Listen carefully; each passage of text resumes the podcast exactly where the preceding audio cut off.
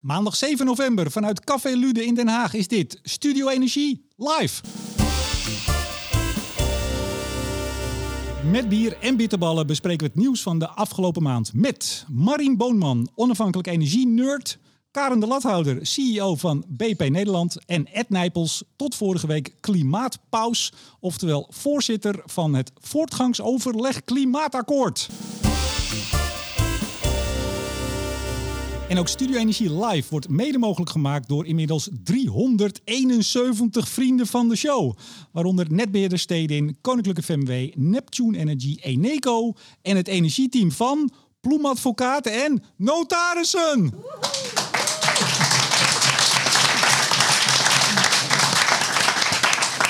Marien Boonman, een van de 371 vrienden van de show. Daarom tutoyeren we. Anders tutoyeer ik niemand. Hoe word je onafhankelijk energie-nerd? Uh, overal wat van vinden, goed je stukken lezen, uh, dingen op Twitter gooien, hopen dat er wat terugkomt. Uh, en ja, op die manier komt Splinter de winter en word je steeds wijzer, denk ik. Heb je dat nou opgeschreven? Nee. ik dacht toch dat je zat te lezen?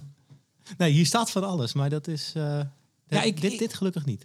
Twitter-fenomeen heb ik hier staan, want dat ben jij. Uh, ik heb je gelukkig uh, ook mogen helpen om wat meer volgers te krijgen. Want er zit hier een aantal mensen, dat weet ik namelijk, die soms echt mij een DM of een sms sturen. Heb je Boonman gezien? Ik moest zo lachen. Want niet alleen lees je je dossiers, niet alleen vind je ergens iets van en durf je ook daar iets over te zeggen, maar je brengt het ook nog met de nodige humor. De lat voor nu ligt dus wel hoog. Nou, dankjewel en ik ga mijn best doen. Ja, er wordt nog niet gelachen nu. Nee, maar ja, ja, kijk. je kan niet altijd raak schieten. Hey, uh, je bent actief binnen de Klimaat- en Energiekoepel, pardon, KEK, uh, netwerk voor young professionals die werken aan klimaat- en energievraagstukken. Je leidt het energie, nee, sectorteam energietransitie samen met de collega. Ja, Anne Joel Leerling. Wie? Anne Joel Leerling. Oh, dat was heel snel. Ja. Is hij hier ook? Nee. Mocht hij niet mee? Uh, nee, ja, die is netbeheerder, dus die moest werken of zo. Ja, netbeheerders die doen wel eens wat, hè? Ja. Nu je toch op tafel legt, heb jij werk? Uh, af en toe. Uh, ik ben in te huren, zeg ik altijd. Ja, dit is eigenlijk één grote sollicitatie, ja. hè, deze uitzending. Ja, dit is eigenlijk mijn, mijn open sollicitatie naar mijn eerstvolgende opdracht. Ja, maar je hebt wel even, je bent actief geweest, zoals jij dat tegen mij zei in het voorbereidend gesprek, de Club van Cora. Ja. Dat klopt. is? Energie Nederland. Zeker. Even geweest, wilde je er houden? Uh, ja, dat zou je nu moeten vragen. Maar je hebt uh, ook binnen, bij de studie, hè, moet ik niet vergeten, was je ook al actief binnen, hoe heet dat, Studenten van Morgen? Ja, ja klopt. Het is een uh, studentennetwerk wat zich inzette voor duurzaamheid in het hoger onderwijs. En zo ben ik eigenlijk ook een beetje de hoek van het uh, praten over duurzaamheid en later energie uh, ingerold. Ja, en je hebt ook op je LinkedIn staan, ik heb van mijn, moet ik het goed zeggen, van mijn werk mijn hobby gemaakt. Ja, klopt. Nou, dan ben je toch een gezegend mens? Nou, dan ben je nooit met je hobby bezig. Zeker. Zo kan je het ook zeggen. Wat is jouw nieuws van de maand? Uh, mijn nieuws van de maand is dat de rechtbank van Amsterdam een uitspraak gedaan heeft waaruit, uh, mijns inziens, blijkt dat uh, al die klantovernames bij faillissementen van energiebedrijven, dat dat in ieder geval niet conform de wet en niet conform het besluit leveringszekerheid is. Oei. Dat dacht ik ook. Ja. Maar ik vond het al, dus dat scheelt. Ja, en je hebt je daar druk over gemaakt. En ik begreep ook, want ik zei net Twitter-fenomeen. En ik wou zeggen in wording, maar inmiddels ook media-fenomeen. Want je hebt vandaag, geloof ik, een uur met het programma Radar aan de telefoon gezeten.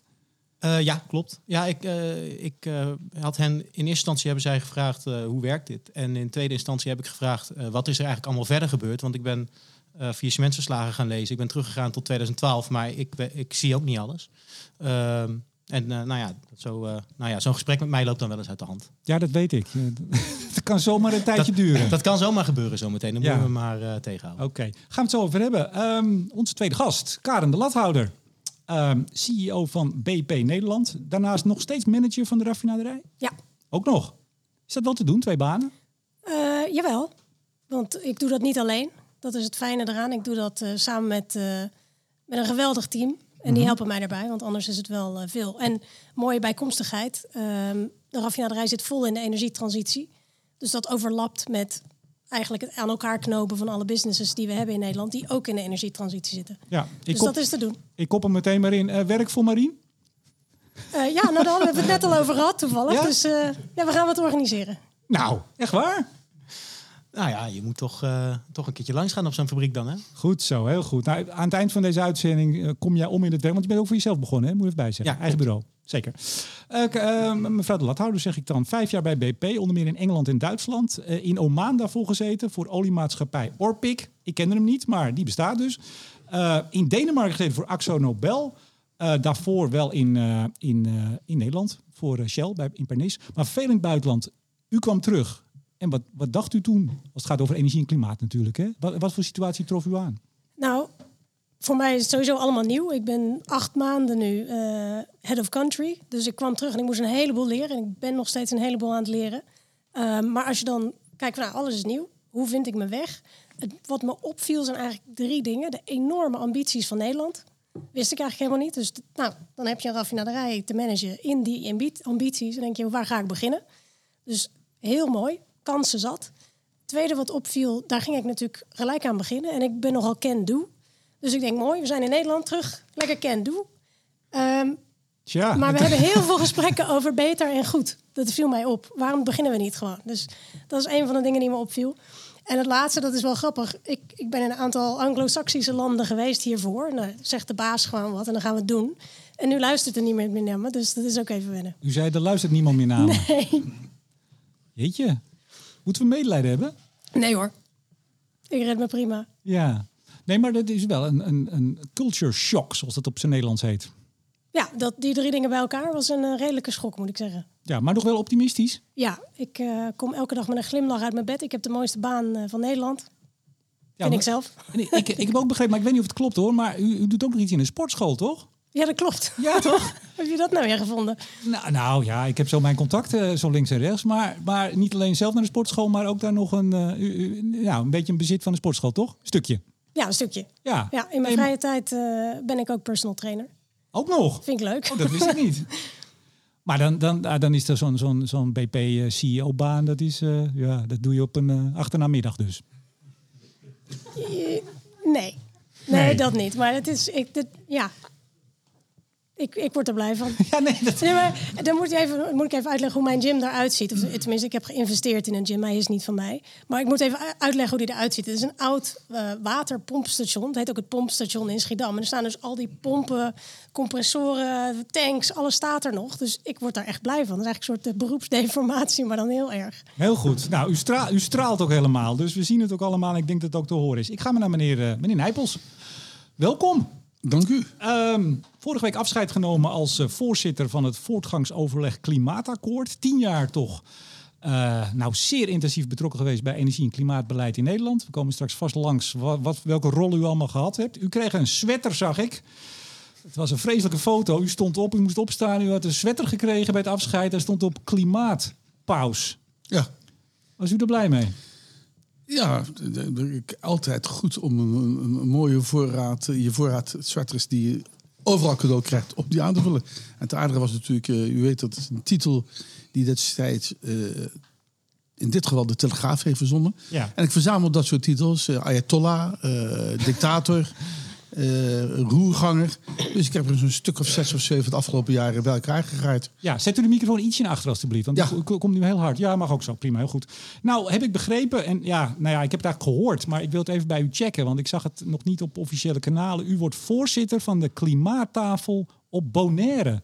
Is dat vrijwillig? Ja, dat is volledig vrijwillig. Uh, u weet dat er een groot probleem is als het gaat over de zeespiegelstijging uh, voor die eilanden. Zeker. Uh, daar zijn allerlei plannen. Uh, er gebeurt het een aan duurzame energie, maar er moet ook heel veel gebeuren op het terrein van klimaatadaptatie. En dat is buitengewoon ingewikkeld, want je kunt niet een grote dijk rond die eilanden gaan, uit, uh, gaan aanleggen. En de bedoeling is dat we starten met Bonaire, dat we dan kijken hoe we de andere zes eilanden, hoe we die allemaal van een klimaatbeleid kunnen voorzien wat past bij de situatie op, uh, op het eiland. Maar ik, ik bedoel eigenlijk, u hebt hier in Nederland zo'n complex proces met vijf tafels en ik weet niet wat geleid. Is dit dan niet toch, hoe belangrijk ook, hè, want daar maken we geen grap over, maar is dat dan toch niet een beetje een stapje terug? Nou, ik vrees, ik vrees dat het veel ingewikkelder is. Ja? ik weet niet hoe vaak u bent geweest op Caribische eilanden. Ik vlieg nooit. De, nee, maar als u de bestuurlijke structuur, als u de bestuurlijke structuur daar een beetje kent, dan is dat knap ingewikkeld om daar eh, beleid van de grond te krijgen. En je hebt bovendien te maken, het zijn drie gemeenten enerzijds. Aan de andere kant zijn er drie uh, staten, onderdelen van het koninkrijk. En dat moet een beetje bij elkaar uh, worden gewerkt. Ja. En ze willen het zelf. Ze hebben dat zelf. Okay. Het is niet opgelegd door een minister of door het kabinet. Ze willen zelf aan de slag. Nou, dat is toch mooi om daar uh, een deel van je vrije tijd eh, aan te besteden. Vrije tijd, ja, want u bent inmiddels wel op een leeftijd dat u gewoon de, de dingen kunt uitkiezen die u wil. Nee, dat is niet zo. Ik, ik, blijf, eh, ik, ik doe het klimaatbeleid, eh, althans het klimaatakkoord niet meer. Maar ik blijf gewoon kroonlid van de Sociaal-Economische Raad. Daar doe ik ook alles wat te maken heeft met klimaatbeleid, de biodiversiteit, circulaire economie. En ik heb nog een aantal andere functies, dus er valt iets weg. Ja. Maar verder ga ik... Maar dingen die u leuk vindt, toch? Zeg ik. Het is toch niet dat u moet? Nee, je moet van niemand. Nee, ik, maar, ik, moest ook niet het klimaatakkoord doen. Maar een beetje uh, naast gewoon een aantal dingen die ik doe bij bedrijven, vind ik het ook uh, mooi om, om toch mee te helpen aan het oplossen van een maatschappelijk probleem. Want ik heb het klimaatakkoord gedaan, maar ik doe ook, dat zal je ongetwijfeld interesseren, iets als de Stichting AAP. Ja, ik zag het. Ooit van gehoord. Nou, dat is ook Zeker. een mooi maatschappelijk doel. ProDemos hier, en je verderop. Ja. In de Tweede Kamer, de jaarlijkse kieswijze of zo. heb ik een aantal dingen en ik meng zaken die te maken hebben met bedrijfsleven, met klimaat. Heel goed. Met een aantal andere maatschappelijke ja. doelen. Ik ga zo even naar mevrouw eh, de Lathouder terug, want ik ben vergeten en niemand attendeert me erop op de vraag wat is uw nieuws van de maand. Maar ik maak hem even met meneer Nijpels af en dan kom ik zo bij u. Echt vreselijke fout gemaakt. Meneer Nijpels, wat is uw nieuws van de maand? De uitspraak van de Raad van State. Uh, Die doen er heel veel. Welke? De, de beroemde uitspraak over stikstof, waarbij het kabinet weer de zoveelste draai om de oren heeft, uh, heeft gekregen. Ja, en daar zitten we dan, hè? Nou, daar zitten we dan. Uh, dat betekent dus dat er iets moet gebeuren. het staat als een paal boven water dat we, de natuur moet hersteld worden. Dat is één. Twee, we weten dat daarvoor moet de stikstofuitstoot in ons land moet drastisch omlaag. En drie, we weten dat de landbouw een heel belangrijke rol vervult bij die stikstofuitstoot. en het kabinet heeft geprobeerd via allerlei paden, geitenpaden, soms door bijvoorbeeld uitspraken gewoon te negeren of te zeggen, ja, we verzinnen wel een list. Het kabinet en de politiek vooral drie keer heeft er omheen gedraaid. En er moet nu pijnlijke beslissingen worden genomen. En ik stel toch weer vast dat ook naar het eerste verhaal van Remkes, dat was kraakhelder. Het tweede verhaal was wat minder kraakhelder. Er zaten al een beetje politieke concessies in. En je ziet dat er nu weer maanden gediscussieerd gaat worden ja. over een, een, een landbouwakkoord. Terwijl we eigenlijk nu moeten ingrijpen. Want letterlijk en figuurlijk zijn Drie sectoren staan op dit moment op slot. nee, wacht, wacht even, ik ga u onderbreken. Nee, okay, we gaan er zo hier verder over, over doorpraten. Ja. Ik, ik, denk dat u daar zo nog... Ik zag u bij, uh, bij Rick Nieman zondag, bij WNL. En die zei, als meneer Nijpels hier is, is hij altijd een soort co-host. Ja, ik denk ik dat hij bedoelt dat u nog wel... Ik heb tien jaar lang een veel ik heb tien jaar lang met, ik heb tien jaar lang met Tineke Verburg heb ja. ik een tv-programma gepresenteerd. Dus die afwijking, uh, ja, die blijft je aan je kleven. En hebt u al een tijdje, u had u uw eigen talkshow hè, voor het klimaatakkoord. Uh, we, we, hebben ja, de afgelopen jaar, gedwongen door corona, hebben we 30 webinars uh, gehouden. Uh, om in ieder geval de discussie, dat was een van onze taken, de discussie over het klimaatbeleid, ook gaande te houden. Ja, heel goed. Nou, ik ga even terug naar mevrouw de Lathouder. Excuus. Wat is uw nieuws van de maand?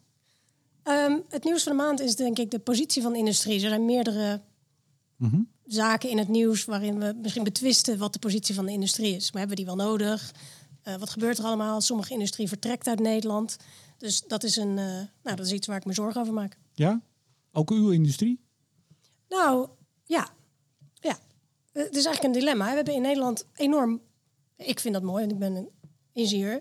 Mooie industrie. Sterker nog, ook u bent gepromoveerd, hè? Ja. Dokter de Lathouder. Ja. ja. ja. ja. Ja. ja, waarom ik dat zeg, weet ik eigenlijk niet. Ja.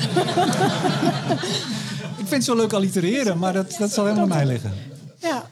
Ja, nou, mijn, mijn, ouders zijn allebei huisarts, dus dat was de echte dokter de Lathouder. En ik dacht, ja, ik moet toch iets. Dus ik zorg ook dat ik uiteindelijk dokter de Lathouder word. En, ja, de grootste wens ja. uh, kwam uit. Ja, ja. Maar, maar, maar, uw sector, uh, raffinage, uh, olieproducten, BP. Um, nou, we gaan er straks natuurlijk uitgebreid over praten. Maar raakt het ook u en uw mensen en, en de werkgelegenheid in, in Rotterdam? Ja, nou, mensen maken, natuurlijk maken mensen zich zorgen. Want we zijn in een industrie in transitie. Er kan van alles. Hè. Bijna alle technologieën die je zou kunnen gebruiken voor de energietransitie... hebben we voorhanden in Nederland. We worstelen om te beginnen. Dus dat is, nou ja, dat is al een dilemma op zichzelf. Mhm. Mm -hmm. Alle kansen liggen er, maar we doen het nog niet. Um, het investeringsklimaat maak ik me ook wel zorgen over. We hebben stokken en wortels. Ja. En de vraag is of ze het allebei goed doen... en of ze op elkaar afgestemd zijn. Dat vraag ik me soms ook wel eens af... Maar kunt, uh, maak hem eens concreet. Nou, Zegt u gewoon eigenlijk nee? Op wat? Nou, dat ze niet goed afgesteld zijn. Ze zijn slecht op elkaar afgestemd. Zou ik maar zeggen. We, we komen zo Je vast kunt daar tussendoor laveren. En Ja. het, het laatste is, dat denk ik, waar ik me zorgen over maak, is dat we vinden er van alles van. Eh, ik, ik hoor wel eens, eh, de industrie moet weg, of bepaalde industrie moet weg. Of, en hoe ga je dat dan doen? Wat ik daar mis, is denk ik een, een visie, een langjarige visie en beleid over wat willen we dan als Nederland. Want CO2 gaat, niet, gaat wel over de grens, sorry, en de industrie staat hier. Maar die, die markt en wat we daarmee bedienen is natuurlijk veel groter dan alleen Nederland. Ja. Dus dan kun je het exporteren of je kunt er iets mee doen. We gaan het er uitgebreid over hebben. Ik ga terug naar eh, Marien. Ehm, ja, vonnis van de rechtbank. Dat was al begin oktober. eh, recent gepubliceerd. Ehm, ja, je maakt je er heel druk om. Je vond het nogal wat. ACM, eigenlijk de praktijk van de ACM... dat als een energiebedrijf de klantenbak, zoals dat zo... Ja, dat is niet zo'n leuke term, maar zo heet het, de kaarten, kaartenbak van een bedrijf koopt wat omvalt... dan eh, moet je eigenlijk daar de contracten mee overnemen. Eh, en dat gebeurde niet. En de rechter zegt nu, eh, ja, die contracten moet je wel overnemen. Dat, dat heeft nogal potentieel grote implicaties. Eh, ja, dat denk ik wel. Ehm, het, het, het, het geinige is, ik heb voordat ik bij Energie Nederland werkte bij de NEDU gewerkt. Dan mag je gelijk weer vergeten wat dat voor club was, want die bestaan niet meer. Maar ehm, daar ging Ja, maar wacht even, wat was dat dan voor club? de Nederlandse Vereniging voor Energiedata-uitwisseling. Oh, spannend. Ja, dat is echt. eh, ik, ja, dat, als je nerd bent, dan wil je er heel graag werken. Ehm, dus ik wilde er heel graag werken. En ik, kreeg daar, ik ging daar over het, het clubje wat ging over het leveringszekerheidsproces. En toen kreeg ik dat overgedragen van ja, nou hier, hier eh, dit is het proces. En eh, ja, dan gaan we de klanten verkopen. Eh, dus ik zei, oké, dus dan gaan de overeenkomsten mee. Nee. Oh, maar dat, dat moet toch als je een, als je een klantenportefeuille of een, hè, een bedrijfsactiviteit Ja, overneemt. dat, dat moet. Alleen als, als er echt faillissement is, dan komt de ACM die stapt in, omdat iedereen altijd wel een leverancier moet hebben van gas en elektriciteit. En dan wordt dat verdeeld via een soort nood, hoe heet dat? No- Noodleveranciers? Ja, ze noemen het de procedure SLR Supplier of Last Resort. Pra- En, je praat heel snel, Marien. Eh, sorry, ja. Ja. Eh, nee, ze, ze noemen het de procedure Supplier of Last Resort. Maar dan gaan die contracten wel van tafel. Ja, en dan, eh, als je dus inderdaad na de eerste, wat ze doen is het bedrijf, de vergunning wordt ingetrokken. Dan gaat er een periode van tien dagen lopen, waarin dus die curator met die kaartenbak gaat hij naar, ja, naar Rotterdam en naar Amsterdam en, en overal en nergens. Ehm, en als hij binnen die tien dagen een koper vindt, dan gaan de klanten over naar de koper. En mijn gevoel was op, ook toen al, dan moet je dus de overeenkomst gestand doen. En daarvan is dus altijd gezegd, ja nee, die overeenkomst die mag je gewoon verscheuren, want er is een faillissement. En de rechter heeft nu gezegd, nu nee, heeft- dat mag niet. En nu heeft de rechter in wezen gezegd, Marina toch wel een punt. Zo, mijn naam staat verder niet in het vonnis, maar dat eh, Het had, er, het had er wel moeten staan. had waar kunnen Iedereen weet het nu, iedereen luistert, dus iedereen weet het nu. Heel goed. Ehm, en, en weet je, na die tien, als na die tien dagen er geen koper is, dan gaat het inderdaad in de, eh, ja, in de grote tombola, eh, zo omschrijf ik het Ja. Eh, en dan gaat er in Amersfoort de computer gaat, gaat, gaat die klanten Ja. verdelen over alle andere Maar, maar even, dit is jouw nieuws, want maar niet iedereen maakt zich hier heel druk om. Hè? Dan zeg ik het netjes. Eh, nee, klopt. Ehm, ik, en het is wel grappig, want ik, ik hoorde net eh, de heer Nijpels ook, ook zijn nieuws toelichten. En ik dacht, het is hier bijna een, een, een bijeenkomst van de Never. Want we hebben het eigenlijk alleen maar over rechtszaken. Nederlandse Vereniging Energiejuristen. Ehm, energierecht, sorry Corné. Ehm, eh, maar ik vind wel dat we van een overheid mogen verwachten dat ze zich aan de wet houdt.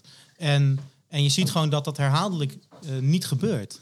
Ja, nee, Ja, de- Nijpels? ja dat, is, dat, is, dat is droevig. Eh, je, je zou mogen veronderstellen dat het een van de beginselen is van onze rechtsstaat... dat de overheid in ieder geval vonnissen die worden opgelegd door een van de drie machten... dat die ook worden nageleefd. Maar dat, wacht even, eh Marien, dat gebeurt toch wel? Ze gaan het vonnis toch wel naleven, of niet? Eh, nou, dat is, dat, is, dat is de volgende vraag. Hè? Want dit, dit ging over een paar honderd euro tussen eh, klanten die in 2018 van Energieflex naar Innova zijn gegaan. Dat was Ja. een, ook een vrij fors faillissement waar ook gewoon fors voor betaald is. Ja. Ehm, alleen, ja, de, eh, waar voor mij het kernpunt zit, is dat ACM eh, verleden november toch dit goed gevonden heeft. Eh, er is, eh, eh, iemand heeft een WOP-verzoek ingediend bij het ministerie van Economische Zaken. Daar komen allemaal mails uit waar ook blijkt dat, hè, dat, dat, er- daar is echt wel aan meegewerkt vanuit de overheid. Dat is niet dat iemand bij ACM eh, zijn vinger opgestoken heeft bij de directie consumenten van hé hey jongens, kan dit wel?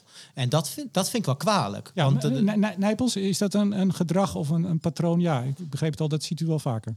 Nou, wat, wat je in de stikstofzaak heb je gezien dat eh, de overheid belofte heeft gedaan op basis van de eigen regels en vervolgens die regels niet is nage, heeft nageleefd.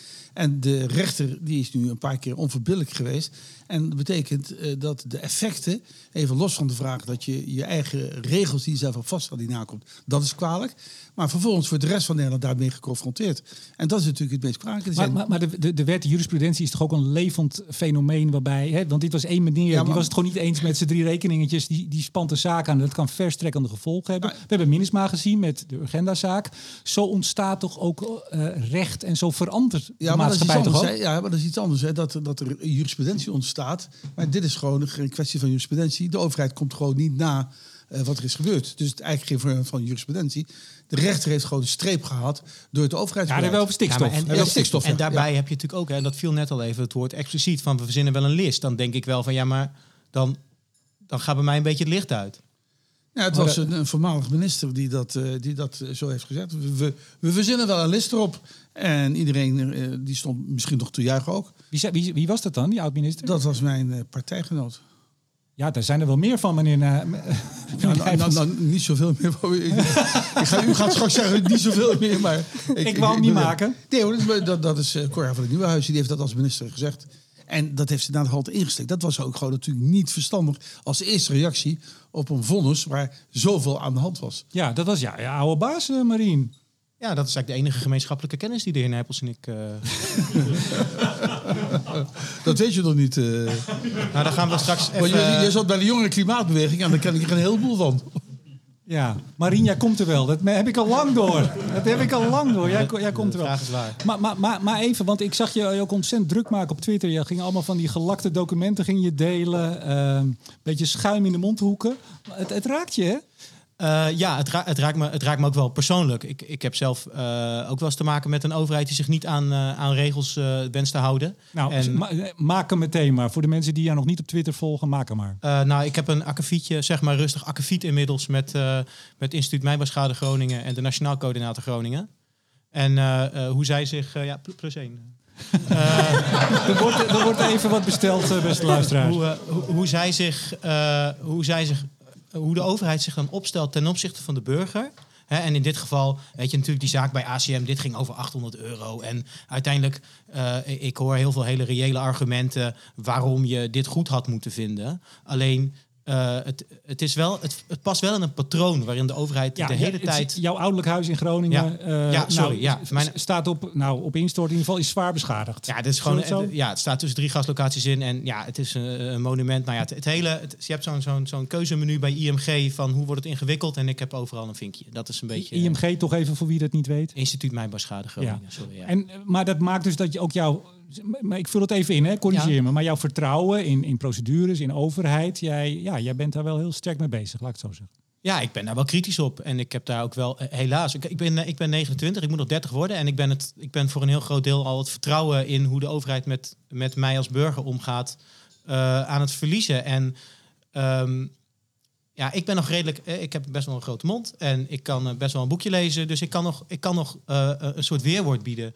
Eh, tegen zo'n eh, zo'n IMG of eh, een, een ACM of allemaal van dat soort drieletterige instituten. Alleen, er zijn ook een heleboel mensen. daar zijn die- er heel veel van, Marie. ja, nee, precies. Dus, maar er zijn er ook een heleboel mensen die hebben gewoon wel een baan. En die hebben gewoon geen tijd om, om, om zaterdagavond tot, hebt wel een baan. oh, die die hebben geen tijd om zaterdagavond tot, tot half twee vier cementverslagen te gaan zitten lezen. Om te kijken of het wel klopte met Oro Energie in, in 2012. Ja. Maar ik even, eh, mevrouw de Lathouder, eh, lang weg geweest uit... eh, oh ja, er gaat een biertje over mijn paneel. Oh ja, ja gaat goed, gaat goed. Gelukt. Dank, dank, dank. Gelukt. Eh, mevrouw de Lathouder, eh, lang weg geweest in het buitenland. Me- Merkt u daar dan ook iets van als u terugkomt over instantie? Want je moet je misschien weer inschrijven en een huis en, en al dat soort dingen. Merk je dan een verschil of gaat dat niet zo snel? Nou, ik heb misschien geluk gehad. Ik had dat huis nog en ik was weg en ik kwam Ah. terug. Dus ik kon weer inschrijven. Maar ik merk wel dat het allemaal lastig is en moeilijk is. En eh, ja, ik, ik voel wel met je mee, eh Marien. Ja. Gaat niet allemaal even makkelijk. Ook van het- vanuit het oogpunt van het bedrijfsleven maak je afspraken met de overheid. Worden ook niet altijd helemaal eh, nagekomen. Of daar zijn we nog over bezig. Wacht, Dus wel- nee, eh, wacht even, hier, hier pauze we even. Eh, hebt u een voorbeeld voor me? Waar komt de overheid de afspraken jegens BP niet of waarschijnlijk nee, niet, BP. na? Oh, dat zei ik niet. De sportschool. Nee, ook niet. Over het algemeen proberen we natuurlijk afspraken te maken over infrastructuur. Ja. Eh, nou, een mooi voorbeeld was misschien, en dat was niet bij mij, maar dat was bij de buren, het, het warmtenet van Shell. Wat natuurlijk uiteindelijk niet live is geraakt, maar wel eh, ja, in aanbouw was. Maar toen lag uiteindelijk de leiding er niet. Ja. Dus dat kan ook gebeuren. En dat is voor de energietransitie maak ik me daar wel zorgen over. In lijn met het gesprek wat we net hadden. Er moeten een heleboel dingen voor elkaar komen, willen we het halen. Ja. Overmorgen is dat eh, 2030. ja. En- wat ik het ergste vind is dat wat jij allemaal vertelt. eh, je bent een jongere generatie. Dat er dus nu een generatie opgroeit. Die dus fundamenteel wantrouwen heeft eh, tegenover de overheid. Omdat de overheid de belofte die nakomt. Dat ze dingen niet doen die ze wel moeten doen. Omdat ze geen goede urgentie weten aan te geven in allerlei maatschappelijke vraagstukken. En dat is, dus, dat is echt een groot gevaar. Dat die generatie nu opgroeit. Dat die eigenlijk de overheid aan de kant schuiven. En zeggen, ja, we hebben niks aan die overheid. Zoals ze doen niet wat ze beloven. Et cetera, et cetera. En dat vind ik eigenlijk, even los van de casus van jou. Want dat is misschien een technisch ingewikkelde casus. Maar het is wel symptomatisch. Ja. En je ziet dat dus ook, niet alleen bij de jongeren. Maar ook gewoon bij de ouderen. Dat het vertrouwen de overheid daalt. Ja. Eh, maar, maar meneer Nijpers, nou is net eh, recent uw, eh, zijn uw memoires uitgekomen. Prachtig woord. Hij ligt hier om de hoek in de boekhandel en in alle boekhandels in Nederland. Nooit wachten op later. U bent, ik heb natuurlijk nog even toch de, de cijfers erbij gepakt. In 73 werd u al voorzitter van de JOVD. Nou, dan begin je toch aan je politieke carrière, hè? Eh, zo, nee, ik, was, ik begon mijn politieke carrière als voorzitter van de JVD in Bergen op Zoom. Ah, nog eerder. Nog veel eerder. ja. Nog eerder. Dus, eh poeh. Maar goed, nee, maar u zit dus al 50 jaar loopt u mee. En u bent, nou, laat iedereen het boek kopen. Zal ik even wat reclame voor uw boek maken? Ga rustig door. Ja, vindt u? Kijk uit, want je krijgt het je oren op Twitter zo Spreekt, meteen. spreekt u vooral langzaam en duidelijk. Nee, het leuke was wel, ik kondigde de, u, u drieën aan als gast. En toen sprong er meteen iemand op Twitter. Oh, dan komt hij zeker zijn boek promoten. U bent inderdaad ook een ayatollah voor velen. Uh, maar ik, ik heb u gevraagd voordat ik überhaupt wist dat er een boek aankwam. Is Dus dat is zomaar toevallig. U bent de integriteit zelf. Ach, dank u, dank u. Maar nee, maar toch even. U hebt 50, u loopt nog steeds in, in Den Haag mee. En u gaat nu naar Bonaire. En wie weet wat voor cluster straks. Misschien mag u het stikstofbeleid wel gaan uitvoeren in een of andere mooie commissie Nijpels. U loopt al zo lang mee. U weet dus hoe dit komt. U hebt de ontwikkeling gezien van begin jaren 70 tot nu. En dan is het misschien ook fijn, vraag ik u, meneer Nijpels, om wat inzicht te geven in hoe dat dan gekomen is. En hebt u daar misschien niet, vraag ik er dan bij, ook zelf niet aan meegewerkt? Of uw generatie? Hoe is dit dan ontstaan? Ja, ja, dat is evident. Eh, gewoon eh, politici die gewoon niet nakomen dat wat er opgeschreven is en wat vastgelegd Maar is. hebt u als minister altijd nagekomen wat u zei? Ben- Bent u de enige uitzondering? Ik bedoel, het is Nou, een was- stelsel, toch? Ik, ik was eh, minister toen ik nog heel erg klein was. Dus dat is, dat is heel lang geleden. Eh, maar in, in zijn algemeenheid denk ik gewoon eh, dat... Ja, het is gewoon zo raar dat je eigenlijk moet gaan debatteren op, over de vraag... of je regels moet nakomen. Maar er is toch een reden waarom dat gebeurt. Er is Ja, heel veel ja, druk, ja, er is nee. heel veel. Oh, nee, er moeten en nieuw bouw- Nee, maar mag u. ik even? Er moeten heel sorry. veel woningen gebouwd worden. We willen de boeren, sommige partijen willen de boeren niet te veel voor het hoofd stoten. We willen eh, eh, energietransitie versnellen. We willen alles tegelijk. En dat kan dus niet. Nee, eh, maar wat de, de, de echte oorzaak is... dat we politici steeds minder de waarheid te durven zeggen. En hoe komt dat? Eh, dat komt omdat ze bang zijn eh, voor, voor hun populariteit. Dat ze bang zijn eh, voor links en rechts. voor de, de partijen die ze dan aan, aan, aan, de, aan de paal nagelen. Maar het klimaat is toch in dat opzicht, het klimaat is toch ook guurder geworden. Ja, maar, af- ja, maar, maar dat wordt ook bevorderd als je vo- voortdurend meebeweegt. Ik heb al eens een keer gezegd, besturen is het toevoegen van leed. En, en dat is het ook zo. Je moet in het openbaar bestuur en in de politiek moet je besluiten nemen. En daar juicht niet iedereen bij. Maar dat is geen reden om die besluiten dan niet te nemen. En dat is de afgelopen jaren te veel gebeurd. Dat men belooft wat of men durft gewoon niet door te trekken. Kijk nu naar het stikstofbeleid. Het is, hoe kun je nu twee maanden nadat vonnis is geveld. Hoe kun je toch zeggen dat onteigening dat dat eh, eigenlijk niet aan de orde is? Nee, natuurlijk is onteigening is aan de orde. Als je een belangrijk probleem moet oplossen en dat zit bij die boeren en die boerderijen moeten weg, dan zul je, als je het niet met elkaar eens wordt, dan zul je uiteindelijk ook moeten durven te onteigenen. maar- maar meneer Nijpels, en dan moet je dus niet gaan Nee, zeggen, nee, onteigening, da- da- daar hebben we Nederland... Die, Maar dat is precies waar, waar, waar het toch misgaat. Dat het, dat het de hele tijd is het, oh, er wordt iemand boos. Ik zeg iets en oh, er wordt iemand boos. En dan ga ik maar wat anders zeggen. Ja. En dan wordt er iemand anders boos. En dan wordt er nog ondertussen wordt er nog wat gewopt. En dan blijkt dat, dat, dat allerlei organisaties bijna een boodschappenlijstje hebben mogen inleveren bij de provincie. Van nou ja, die boerderij, daar willen we wel, eh, die grond, daar willen we wel wat leuks mee. En dan, en dan kunnen we toch niet met z'n allen verbaasd zijn dat mensen. Eh, dat mensen dat vertrouwen dan, eh, dan, ik- dan, dan kwijt. maar dan, ik zeg dus ook niet- dat ik zeg- spul. Ik zeg ook niet dat ik verbaasd ben. Ik, ik antwoord alleen maar de vraag waar, hoe is waar er is gekomen. En ik zeg, eh, politici moeten leren gewoon rechte, Ja. rechte rug te houden. Maar meneer Nijpels, voor, voordat we, want het is natuurlijk het onderwerp eigenlijk van deze tijd en dat gaat heel diep. Maar ik, ik begrijp het uw VVD. Ik zeg het toch even uw VVD, hè? Mag ik Ja, zeggen, toch? ik Ja, zeker. al 54 jaar letterlijk. Mark Rutte was toen ik lees het van de VVD was Mark Rutte vier jaar oud. Kijk eens aan. Ik weet niet wat die betekent, maar het klinkt wel goed. Dat klinkt mooi, hè? Ja, daarom, zeg ik, daarom, zeg, daarom zeg ik het ook. Ik vind het altijd heel mooi. Maar, maar, toch even, uw VVD, er, er leek een deal voor het asielbeleid. We gaan het ver buiten het onderwerp van deze podcast, maar dat, dat moet maar even. Er- Er leek een deal in de maak, die moest nog afgetikt worden. Dat zou in het weekend gebeuren. Is niet gelukt. Mark Rutte moet er zelfs bij komen of is erbij gehaald omdat de VVD zegt nee, wij willen, een, nou ja, wij willen dat asielbeleid wat er nu voor staat niet. Dat is toch ook politiek? Er is een achterban, die stemmen op ze. Ik hoef het u niet uit te leggen. Er zijn andere partijen die hijgen ze in de nek. Dat is toch ook wat er speelt? Het is toch te makkelijk om te zeggen, ja, ze moeten gewoon maar een beetje de rug recht houden. Ja, dus ja, dat, is, dat is helemaal niet zo gemakkelijk. Want wat de VVD moet doen, de VVD-fractie moet achter de eigen staatssecretaris staan. Je kunt onmogelijk dit probleem van die asielzoekers oplossen als je uitsluit dat een gemeente die het weigert, dat die niet kan worden gedwongen. Dat middel heb je gewoon nodig, weer dat probleem kunnen, kunnen oplossen. En dat is waar het nu de discussie over gaat. En eh, ja, er bestaat niet een kilo dwang of, of tien kilo dwang. Nee, je moet gewoon accepteren dat je uiteindelijk als bestuurder... dat gaat overigens niet alleen... dat gaat natuurlijk ook voor de... eh, energietransitie. Voor de Geldt ook voor de energietransitie. Dat gaat ook energietransitie. eh, voor de 100 kilometer. Als je iets niet lukt, dan heb je een ultiem middel. En dat is dat je een gemeente dwingt om een fair share te nemen. Ja, mevrouw de Lathouder. Ja, nee, ik, ik heb van het weekend het, het verslag gelezen. En het, ik, wat me bij is gebleven is de Nog, e- nog even welk verslag? Misschien komen het, mensen nu eh, net het- binnen in de sorry, podcast. van het klimaatoverleg overleg wat de, de heer Nijpels... eh, Zijn eindverslag. eindrapport, eindrapport. En wat, wat me het meeste opviel, waar ik echt... Nou ja, dat, dit is het. Dit is wat ik zocht. De politieke moed, denk ik, om, beslis, om een transitie te drijven. Ver- verandering is moeilijk. Ehm, en je hebt politieke moed nodig, want het gaat pijn doen. Daar, moet leed, daar komt leed van. En hoe zorg je nou dat je die balans vindt tussen het doordrukken... Maar dat is ook niet de bedoeling, door iedereen zijn strot heen duwen. Maar ehm, aan de andere kant ook niet op de vluchtheuvel gaan staan. Dat vond ik zo'n mooie omschrijving. Ja, maar mevrouw de Lathouder, we zijn toch bezig met die transitie? Even verduidelijken, hè, meneer de Boer. Ja, meneer U Nijpels. heeft bijna het eindverslag uit uw hoofd geleerd. Want dat staat er precies zo letterlijk in. Nee, ik heb het gelezen. Ja, en- en zo is het dus ook. Ja, meneer Nijpels, mensen lezen het hoor, wat u schrijft. Ja, nee, Kijk uit. Het heeft, het heeft indruk gemaakt. Dat Ik is, hoop dat eh, net zoveel mensen uw boek kopen en gaan lezen. Maar ik, ik heb soms, ik heb soms het idee ga maar dat, we, dat we met z'n allen op de vluchtheuvel staan. Nooit wachten op later, nu in de boekhandel, Ed Nijpels. Maar dat is, Ja. dat, dat is wel, dat is wel een, een, een reëel probleem. Hè? Want ehm, eh, wat je nu ziet, en, en eh, ik, ik heb het net even gehad over de overheid, moet zich aan procedures, moet zich aan, aan allerlei verplichtingen houden. En, eh, en daar moet je je als burger op aan kunnen spreken. Maar eh, wat je wel aan de, aan de overkant ziet, de, ex- de, de, extrapolatie daarvan die we nu meemaken, is eh, iedereen procedeert overal tegen.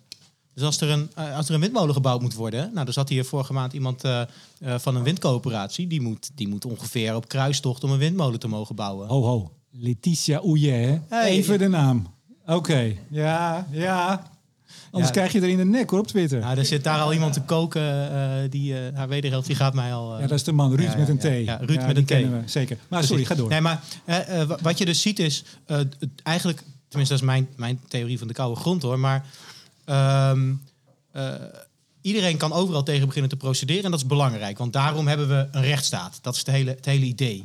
Alleen hoe verder dat vertrouwen, wederzijds vertrouwen afkalft, hoe meer iedereen ook overal tekeer tegen gaat. Ik zeg wel eens, als we dat, dat gas wat, nu, wat in Groningen wat nu op is en wat allemaal eh, een hoop gedonder is nou, geworden. het, is, het gas is niet op hoor. Nou, dat ligt eraan aan wie het vraagt. Maar dat, let's put a pin in that. Maar als we nu eh, zo'n gasbel zouden vinden... dan zouden we dat nooit meer, nooit meer op de manier exploiteren die we, die we gedaan hebben. Ga jij nou eens in, in, in, in Schiedam-Groenoord met een, met een gasstel naar een huis... dan bel je aan en zeg je... mevrouw, we hebben een gasbel gevonden in een provincie hier ver vandaan. U krijgt een nieuw kooktoestel. Je, je krijgt de brievenbus gevoerd. Want mensen vertrouwen je niet meer... dat je van de gemeente een ander gasstel komt Ja. brengen. Omdat we de, de overheid en de, eh, eh, en de burgers staan, staan daarin echt heel, heel hard tegenover Ja, elkaar. maar die, die, die constatering is denk ik, eh, is denk ik helder. Ja, en, maar de oorzaak daarvan is natuurlijk dat voor ons... eh, iedereen heeft staat te juichen over de gasbel. Dat, eh, honderden miljarden zijn er in de Nederlandse economie geïnvesteerd. Maar het probleem is, toen bleek dat er hele grote gevolgen waren...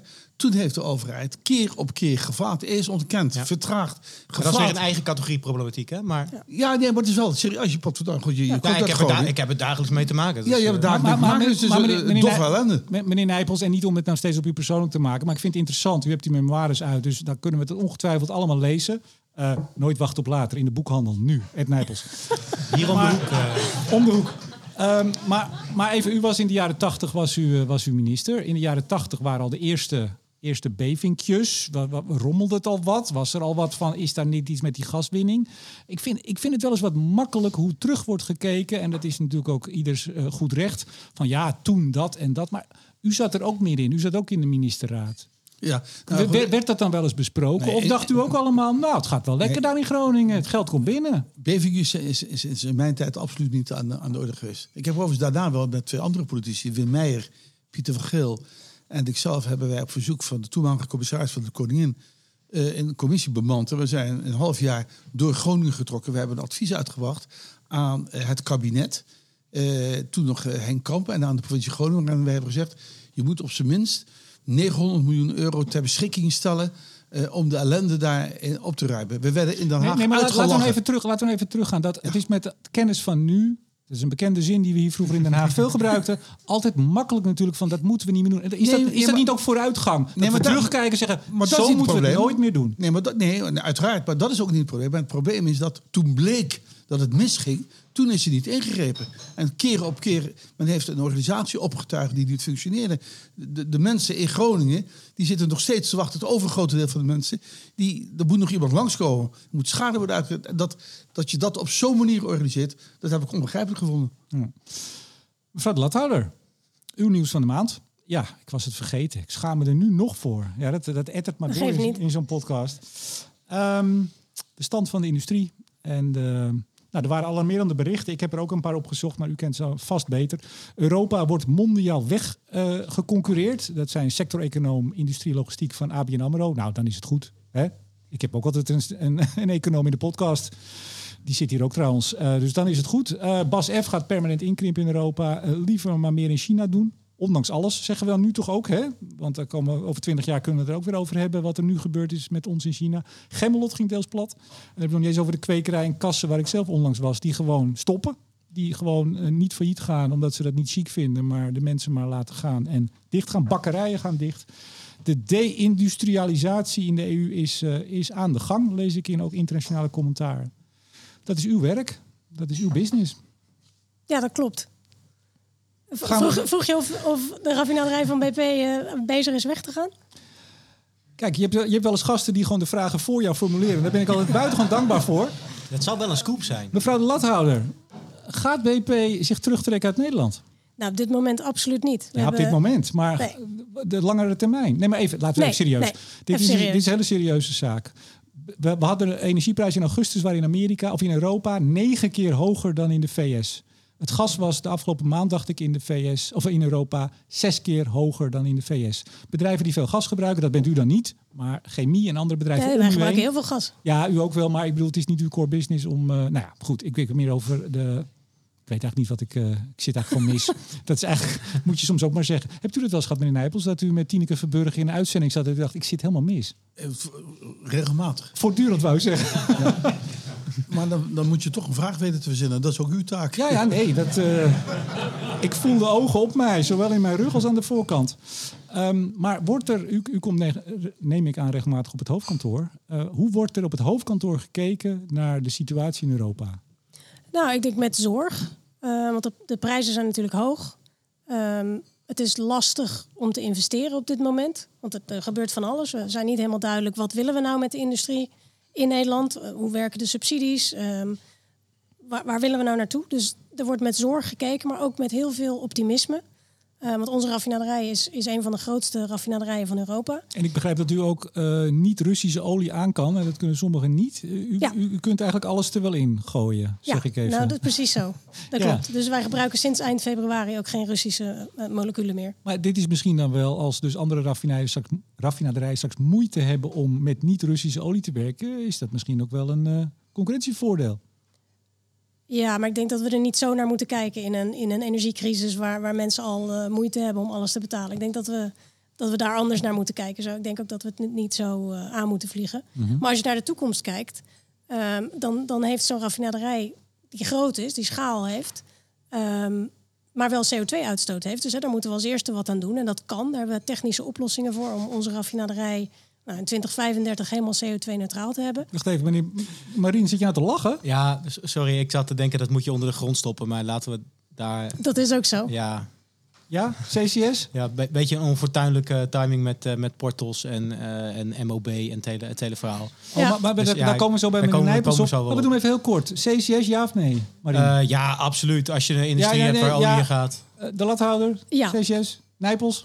Ja, Mooi. En. CCS en alle... Hebben we dat geregeld?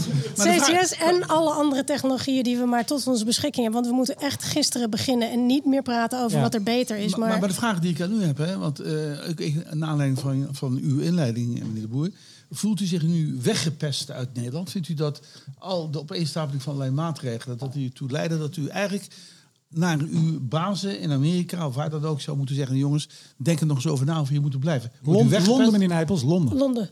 Londen, Ja. Ja? Is het zo? Wordt u weggepest? nog dichterbij. Zeker. Ehm, worden we weggepest? Nou, het, ik moet zeggen, het is wel zwaar. Af en toe voelt het een beetje als door de modder lopen. Maar ik heb ook de, de overtuiging dat we, dat we door moeten gaan. Want Laat ik dan anders zeggen. Denk- voelt, u, voelt u liefde van de politiek, van het land? Voelt u dat uw sector... Nee, het is geen grap. Voelt u dat uw sector eh, gewaardeerd wordt? Nou, ik denk het wel. Er is een hele mooie industriebrief. Ehm, dus ik denk dat er absoluut wel heel veel waardering is. Ik denk dat, er, dat het, dilemma is de vluchtheuvel. En, en regie nemen vanuit de politiek. Want ik denk dat de industrie is belangrijk. Ik voel dat. Ik denk dat, dat dat hoor ik ook. Aan de andere kant is er ook een maatschappelijk debat. En vinden mensen in de maatschappij van alles van de industrie. En die, dat, dat, Ah, maar- maar dat mevrouw- krachtenveld. Maar mevrouw de Lathouder, ik ben altijd een grote fan van de industriebrieven. Ook al die van Wiebes. En het, dat, dat, daar staat echt... Ja, die van Wiebes vind ik nog steeds een hele goeie. Wat was het? 25 kantjes waarin de marsroute was uitgestippeld... naar hoe we met de basischemie... en hoe we die de komende jaren in de lucht konden houden. Meneer Nijpels, die kan hem dromen. Die heeft hem vijf keer gelezen. Meneer Nijpels? Voordat u verscheen al, Kijk, dat bedoel ik. U hebt nog wat opmerkingen in de kantlijn kunnen maken. eh, zoiets. Ja, zoiets. Schijn je mee uit te moeten kijken in Den Haag. Wat zei je? Daar schijn je mee uit te moeten kijken. Helemaal niet. ik ben onafhankelijk in mijn positie geweest, dus ik kijk waar ik wil. Ja. En ik zet kanttekeningen bij wat ik wil. Ja, maar, Is Maar even serieus. Ja, alles, alles die brief, handen die brief is heel goed. Maar ziet u nou echt ook, even, even eerlijk, we zitten hier gewoon met een paar mensen. Luistert niemand. Vindt u nou echt dat er in, de, in dat inderdaad ook dat maatschappelijk debat in de media, dat er echt eh, dat men vindt dat de, dat de industrie, dat de, de raffinage en de grote uitstoters, dat die echt hier moeten blijven? Ja, want die zijn er al. En die, kijk, we zijn altijd op zoek naar fluffy oplossingen. dit. Moet aaibaar zijn. De industrie is niet zo aaibaar, maar wel belangrijk voor Nederland. En we hebben hem nou eenmaal. Je, je kan zeggen, ik, ga, ik exporteer het, ik kies ervoor, ik verkoop het. Nou, dan gebeurt er helemaal niks met de CO2-uitstoot. Of je zegt, ik hou het en ik doe er wat aan. Daar ben ik dan meer voor. Eh, je kan ook zeggen als Nederland, ik doe het weg, maar dan... Ik weet niet of er iemand minder gaat rijden in Nederland als je de raffinaderij Ja, dicht doet. maar, maar ik ga toch even naar Marien. Marien, zie jij dat ook? Zie ik het dan verkeerd? Want ik zie dat dus niet. Ik zie niet dat de industrie en de grote uitstoters en de raffinage... dat die echt gewild zijn in Nederland. Zie ik het verkeerd? Maar dat kan. Nee, nee, maar ik, nou ja, goed, ik heb gisteren een rondje gerend met, met jou en Jilles eh, op de koptelefoon. Dus ik, ik heb dat nog vers, vers in het geheugen. En dat was ook een beetje een weemoedig gesprek, weemoedig gesprek van wat gaan we hier nog maken en waar gaan we onze centjes nog mee verdienen. En daar, eh, daar maak ik me ook wel, wel echt zorgen over van, gaan we dan alle vervuiling maar over de muur kieperen en een soort, soort neocolonialisme toepassen van nou, alles wat smerig is, dat gooien we in India en, en in China neer. En dan, dan gaan we hier, ja, wat gaan we hier dan nog maken? Maar, maar, maar mag je een beetje opgewekt eh, verhaal dan even houden? Want Graag. Komt Heel graag. BP, wat u zegt, u heeft uw ambitie eh, op tafel gelegd. En die zijn ook bekend. Eh, BP is op de goede weg bezig. Als u straks gewoon doet wat u zelf ook mee bezig bent, dan is het toch, dan hebben we geen industrie die meer uitstoot dan wij verantwoord vinden binnen een bepaalde tijdsperiode. Dan is er ook geen enkele reden waarom de industrie dan niet gewoon in ons land zou kunnen blijven. Het gaat erom, als je afspraken maakt over doelstellingen en die worden nagekomen, dan is er gewoon een plaats voor de industrie. Ja, maar dat zijn we 100% eens. Hè? Alleen als je de teneur ziet, die sommige, of de toon die sommige mensen eh, aanslaan tegen een club als, als BP. Ik, Wat voor mensen hebben we het dan over? Nou, het twitteraars, uh, lui zoals ik, maar dan... Ah, eh, twitteraars, ja, eh, Twitteraars is voor oude mannen, niet meer voor de jonge go- goden zoals jij. Ja, dat, dat, dat- 29 en nou, nou al oud. ja, Nee, maar even. Nee, maar- nee, maar, nee, maar- anders moet ik het je vol, vol gaan zeggen. Nee, maar wa- wa- wat, wat voor Nee, organisaties? Ja, maar, politiek, de, de, NGO, de, wat? de, eh, de milieubeweging. Even een, een, een, een heel, heel idioot voorbeeld of een heel, heel knullig voorbeeld. Maar jullie hebben het hek opengemaakt voor mensen die een film op, op kwamen nemen. En, eh, en daar kreeg je de grootst mogelijke eh, ja, soort bijna complotachtige theorieën. Er van is een film zal, eh, gemaakt over natuur in, in het Rotterdamse havencomplex. Prachtige film. Maar daar hebben jullie inderdaad toestemming voor gegeven. Eh, hebben jullie er ook geld aan, aan betaald? Ja, om het mogelijk te maken, dacht ik. Dan kijk ik even naar Corné, dat was voor mijn tijd. Ja, Ja. Maar er wordt gezegd dat is inderdaad beïnvloed, et cetera. Dat, Ja, dat doe je op. nou, dat, was, dat was het hele punt. En nou ja, wat ik ervan begrepen heb uit, eh, uit bronnen die wel bij BP werken, we hebben die mensen toegelaten, we hebben ze geholpen te filmen en, en ze sa. En dan stuurt de Milieubeweging nog zonder naar die film te kijken een brief naar het Amsterdamse Filmfestival van ja, en die film is fout. Ja, maar, maar mevrouw de Lathouder, dat ziet u toch ook dit soort tendensen? ja absoluut. En ik, ja, dat zie ik ook. En ik, ik ga graag in gesprek. Eh, want het is, ik denk dat het de bedoeling was om te laten zien eh, wat we doen. Ja. En hoe we dat doen. En ja, daar mag je iets van vinden. En daar, daar ga ik graag over in gesprek. Ja, maar- maar nog even terug. Even, ik wil nog iets zeggen over wat we net hadden. We- natuurlijk is het een moeilijke discussie over de industrie. Het is een enorm groot dilemma voor Nederland. Maar wat we ook moeten beseffen is... alles wat je dagelijks gebruikt... of 90% van wat je dagelijks in je handen hebt... en het wordt maar heel langzaam minder... heeft zijn oorsprong in de olieindustrie. Plastic, eh, allerlei producten, al, al je shampootjes en dingetjes. Dus je kunt niet eenzijdig zeggen... Ik, ik, die industrie is vies, want we zijn Maar- ook maar allemaal mevrouw- klant. mevrouw Maar, ik vind het heel vervelend. En dan gaan we zo weer naar Nijpels, want eh, dat is de optimiste zelf. hè. Ja, nee, dat is fijn om erbij te hebben, serieus. Ehm, eh, dit is een beetje, ik zeg dat met alle respect, het, het, het promo-praatje van, van de chemie-sector. Hè, van eh, overal zit, hè, waar je kijkt, dat is ook zo, hè? Overal zitten producten die uit dat chemisch. ja, en- nee, maar je liet mij niet uitpraten. Ik wou, Oh, wat ik ervan wou zeggen was... Ik, worstel, ik ben ook burger en ik worstel daar zelf mee. Dus en dan ben ik thuis en dan kan ik dat kiezen. Kan ik kiezen om niet te vliegen en ik kan kiezen om, om daar iets mee te doen. En ik worstel daar enorm mee, want dan kom ik op mijn werk en dan werk ik voor een olieraffinaderij. En daar, daar moet ik dan ook wat mee. Dus daar, en daar wil ik ook wat mee. En daar is de impact ook veel groter van. Maar als je dat niet samen doet en naar allebei kijkt, dan wordt het heel lastig veranderen. Ja, ik dacht, ik laat u nu goed uitpraten. ja, nee, serieus. Ehm, nee, maar ik, ik, ik bedoel, dat wordt al heel lang gezegd en we gebruiken het allemaal. Maar dat wil op zich nog niet zeggen, ook al gebruiken we het dagelijks en iedereen Ja. gebruikt het bijna. Nee, ik zeg niet dat het goed is. Nee, nee. En ik ben er niet trots op. Maar je- we moeten er wel wat mee. Want we zijn verslaafd aan, Ja. aan die olie. neem even, meneer Nijpels, eh, u zegt, nou ja, als jullie als industrie nou gewoon eigenlijk doen eh, en, je, en je afspraken nakomen, hè, dat zei u net. Eh, maar is dat genoeg? Is dat genoeg om, u heeft ze ook allemaal aan uw tafel gehad, eh, de milieubeweging, de klimaatbeweging en activisten, bepaalde politieke partijen, zijn die daar, zeggen die dan, nou oké, zwaar, hartstikke goed, BP doet ze afspraken, prima. Nou ja, dat zegt natuurlijk niet iedereen. Je, hebt, je blijft geharnaste tegenstanders hebben die überhaupt vinden dat de industrie niet in, in Nederland mag blijven. Maar ik Maakt heb u zich daar zorgen over? Nou, ik, ik, ik, ik heb altijd geprobeerd als voorzitter van de Energieakkoord, maar ook van het Klimaatakkoord, om nooit partijen te blamen. Dus ik heb dus nooit de industrie geblamed gezegd van. We hebben wel hele stevige discussies gehad op sommige momenten dat er bepaalde afspraken niet helemaal precies werden nagekomen zoals ik dacht dat we het hadden afgesproken. Dan moet je ook hard kunnen zijn. Maar in zijn algemeenheid zeggen dat de industrie niet deugt, of dat, dat vind ik een onzinnige stelling. Alleen, je hebt te maken, waar, waar, waar u het over heeft, is over het maatschappelijk sentiment. En dat is heel lastig om dat te beïnvloeden. Het is overigens ook aan het bedrijfsleven zelf.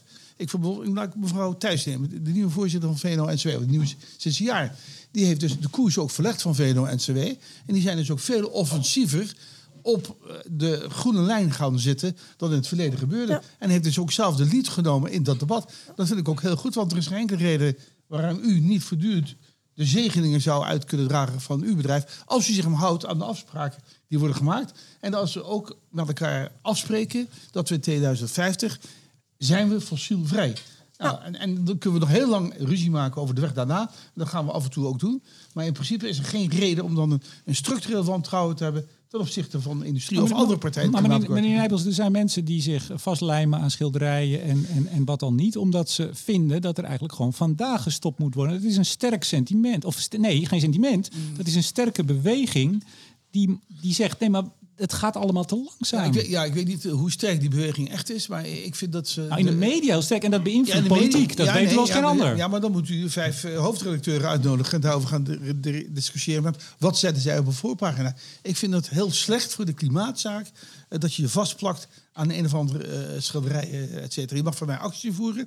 Je mag actie voeren zo, zolang je maar niet eh, zit aan de eigendommen van, van, van andere mensen en, en binnen eh, bepaalde normen. En ik vind dus dat dat heel schadelijk is voor het klimaatbeleid. Want eh, Al die mensen die toch al aarzelen over het klimaatbeleid, die worden in een hok gejaagd als ze zien dat iemand zich eh, vastplakt aan, aan een melkmeisje. Dus ik vind dat gewoon volledig verkeerd.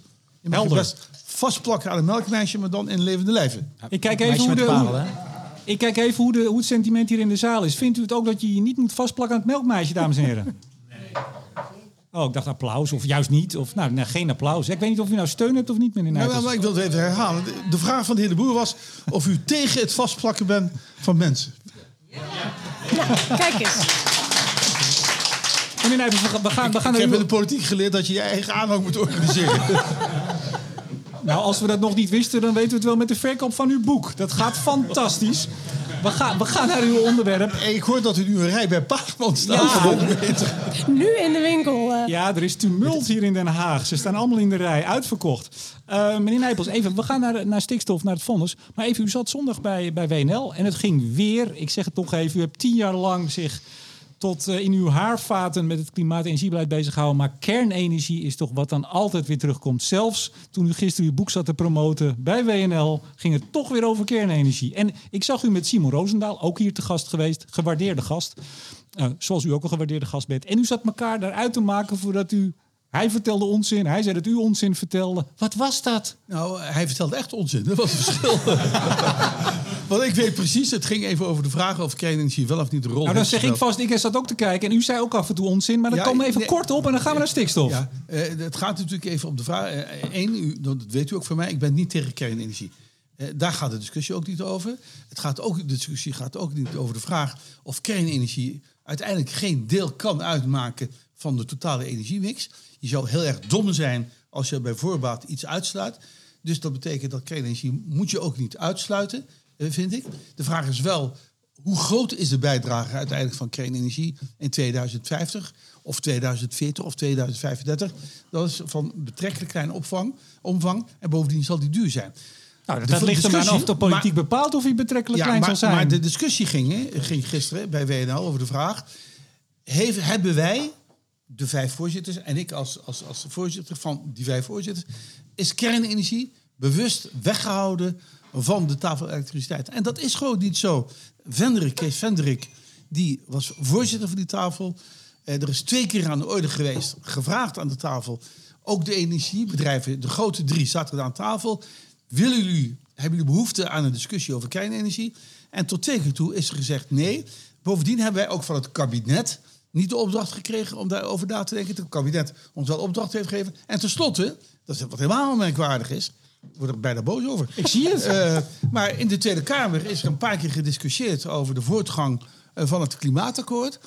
En geen van de partijen die zich nu op de borst rammen heeft toegezegd... God minister, kun je niet alsnog aan Nijpels en zijn trawanten opdracht geven om kernenergie te zoeken? Nee, daar is niet over gesproken. Pas daarna is de discussie op gang gekomen. Ja, En nog steeds vind ik dus dat je daar prima over mag discussiëren. Wat ik gisteren zei tegen Roosendaal.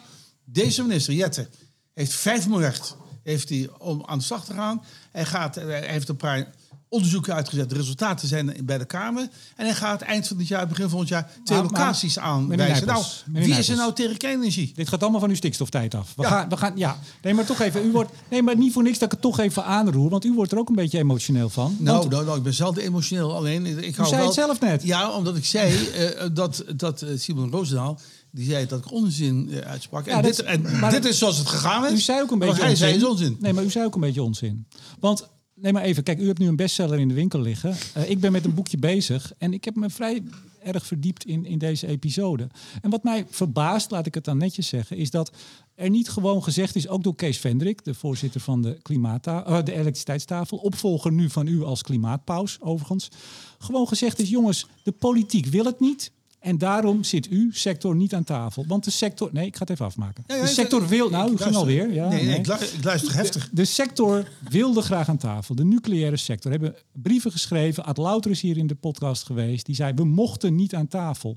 U hebt in de Tweede Kamer gezegd in 2018. En ik heb het citaat hier. Ik kan ook het fragment nog instarten als u dat wilt. Ik, ik, maar, ik ken het uit mijn hoofd. nou ja, goed, het is toch wel handig. Nou ja, u hebt nog wel eens wat kleuring aan de... Dat is een goed politicus, geeft kleuring aan wat er vroeger gebeurd is. Altijd goed om het vast te leggen.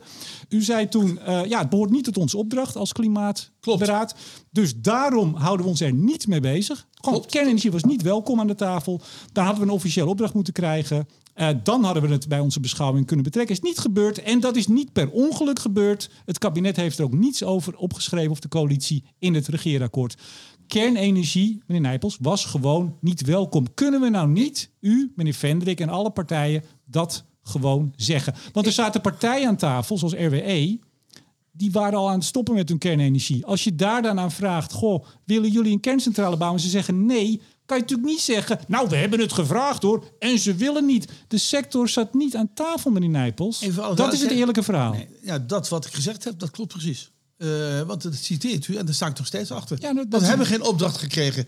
En, en, en waar, wat u even, ik zal het even kort samenvatten. Want we hebben dus geen opdracht gekregen. Nadat er een paar keer debat was ontstaan in de politiek en de maatschappij, moeten ze alsnog niet dat gaan onderzoeken. Hebben we ook geen opdracht gekregen. Niet van de Tweede Kamer en ook niet van de minister. Vendrik heeft twee keer aan die tafels gevraagd: vrienden, wil iemand daarover meepraten? Wil iemand dat doen? En de eigenaar van kerncentrales in andere landen, die ook aan tafel zat, RWE, die heeft gezegd: we zijn niet geïnteresseerd Nee, in het debat. Meneer, meneer en dan gaan we dit maar te, te rusten leggen, denk ik, zou ik willen voorstellen. Want daar zaten dus partijen aan tafel die geen ambitie meer hadden met kernenergie. Bedrijven die wel ambitie hadden, zaten niet aan tafel. Dus als je het aan vraagt, dan zegt er niemand, ja, we willen wel. EDF die wilde graag, die deden, probeerde te lobbyen om in Den Haag binnen te komen, omdat ze... Frans Nou, EDF weet ook- u omdat- weet- nee, wacht even, ik maak Ja, hem even af. sorry. Omdat ze kerncentrales wilden bouwen. De nucleaire sector mocht niet aan tafel. Laten we dat nou, kunnen we, dat kunnen we toch gewoon vaststellen. De, de politiek wilde het niet. U hebt dat duidelijk gezegd in de Tweede Kamer. Dat klopt. Ik ik reageer En dus u. mochten ze niet aan tafel. Klaar. Nee, Ja. ah, twee dingen. En die, die, u, u, u, weet precies en perfect mijn argumenten. Want eh, één, de, de, de tafels, de opdracht van het kabinet was technologie eh, neutraal. Dat betekent dus dat de zonnesector zat niet aan tafel. Maar wel hun verenigingen waarbinnen ze actief waren. Jawel, De, de, de, jawel. zonne, de, de, het was dus technologie neutraal, dat is één. EDF zat niet aan tafel, omdat ze in Nederland geen enkele productiecapaciteit hebben. De opdracht van, Je- van Wiebes Wiebes. was, we gaan op tonnenjacht. Z- zoveel mogelijk tonnen tegen zo weinig mogelijk geld. Dat was de opdracht aan die tafel. En eh, dat, eh, dat mocht die tafel gaan organiseren. Nou, en de EDF heeft in Nederland geen productiecapaciteit. Meneer Nijpels, en nu gaan we echt stoppen. Eh, hij zei, eerst was het tonnenjacht en daarna zei hij... er mogen ook partijen aan tafel, en daar hebt u ruimhartig aan meegewerkt... en dat is prima, die voor draagvlak kunnen zorgen. Maar nou nee, wacht even, mag, Ja. ik even? sorry. Dus de milieubeweging mocht ook aan alle tafels zitten. Nou, die kunnen ook geen tonnen leveren, meneer Nijpels. Dus het was ook draagvlak. En een van de grote issues... en er zijn mensen die, zoals Marina af en toe... schuimbekkend achter Twitter zit. Die zitten schuimbekkend naar u te kijken. En naar meneer Vendrik, die zegt... ja, maar had ons dan op zijn minst aan tafel gezet... dan hadden we mee kunnen praten. Kunnen we het daarbij afsluiten? Nee? Eh, nee, natuurlijk niet. Op de helder. Nee, want je kunt natuurlijk niet ge- betogen dat je, eh, als je een, een, de kerncentrales aan, aan, aan tafel zet, dat je dan dat doet om het draagvlak te vergroten. Dat is onzin natuurlijk. Nee, de sector, de nucleaire de sector. sector. Nee, de Greenpeace. Ja. Maar, maar, maar nogmaals, eh, u heeft ook, want dat, dat weet u ook, Wiebes is was een groot voorstander van kernenergie. Hij hield niet op. U kent het verhaaltje. Hè? Iedere week ging hij naar het loket toe en ging hij kijken, maar naar verre kijken. Wie staat er achter het loket? Wie meldt zich voor een vergunning voor een kerncentrale? Want je kunt een vergunning in ons land aanvragen. En maar hij zegt, ik, ik, ik- En nou snap ik wel dat niemand dat doet. keer. Als de politiek elke week een haakse bocht neemt en je moet investeren voor 50 jaar, dan heb ik wel enig begrip voor En dat, dat ik ga- ik- Maar, ik- maar wat ik zeg alleen maar is dat Wiebes, dus dat Wiebes was niet tegen kernenergie, nog sterker. Nee, hij de was coalitie was tegen voorstander. kernenergie. Hij was een groot voorstander van. Meneer Nijpels, de Oh, coalitie het, niet, je probeert kernenergie. het Wiebes ook niet aan te wrijven. Hè? Nee, Maar- maar even, ik ga nu ingrijpen. Ik ben de voorzitter. Ja, dat is dan het fijne, toch? Nee, maar eh, ik heb meneer Wiebes ook in de podcast gehad. Eh, en, en die zei ook, hij zei, ja, ik, eh, ik zat iedere, iedere dag met koffie en koekjes zat ik klaar. Maar de, niemand, gek hè, niemand meldde zich met een kerncentrale. Nee, omdat de politiek het niet wilde. En meneer Nijpels, u weet als geen ander, als een politiek, als de coalitie, als een regering iets niet wil, dan gebeurt het ook niet. Dan komen er geen bedrijven. Dus het is echt heel flauw om te zeggen... er kwam maar niemand met mijn koekjes en, en, en thee. En meneer, meneer Wiebes gaf dat ook toe in de podcast. Iedereen kan het nazoeken en naluisteren. Hij zei, ik zei van, Maar komt het dan niet omdat u het niet wilde als coalitie? Hij zei, nou ja, maar denk je dat het draagvlak zou zijn? Nou nee, politiek Nee, was er geen hij draagvlak. de vraag. Maar goed, u weet ook nu dat het nieuwe kabinet heeft 5 miljard uitgetrokken. Ja, komt en nu twee allemaal goed. locaties en een aantal nota. Het komt En- nu goed. Maar wat vindt u daarvan? Heeft dit nieuwe kabinet dan wel of niet een stap gezet? Ja, hij heeft wel een stap gezet. Nou, daar zijn we het daarover eens. Roosendaal noemde het meestribbelen. Het gaat nog allemaal niet van harte, maar er is een, een flinke stap gezet. Dat klopt. Vergadering gesloten. Absoluut. Stikstof. Uitspraak, Raad van State. We moeten een beetje vaart maken, eh, meneer Nijpels. Ik vind, het, he- ik vind het heerlijk. Ja, u, u zit Een lekker. glasje wijn erbij. Ja.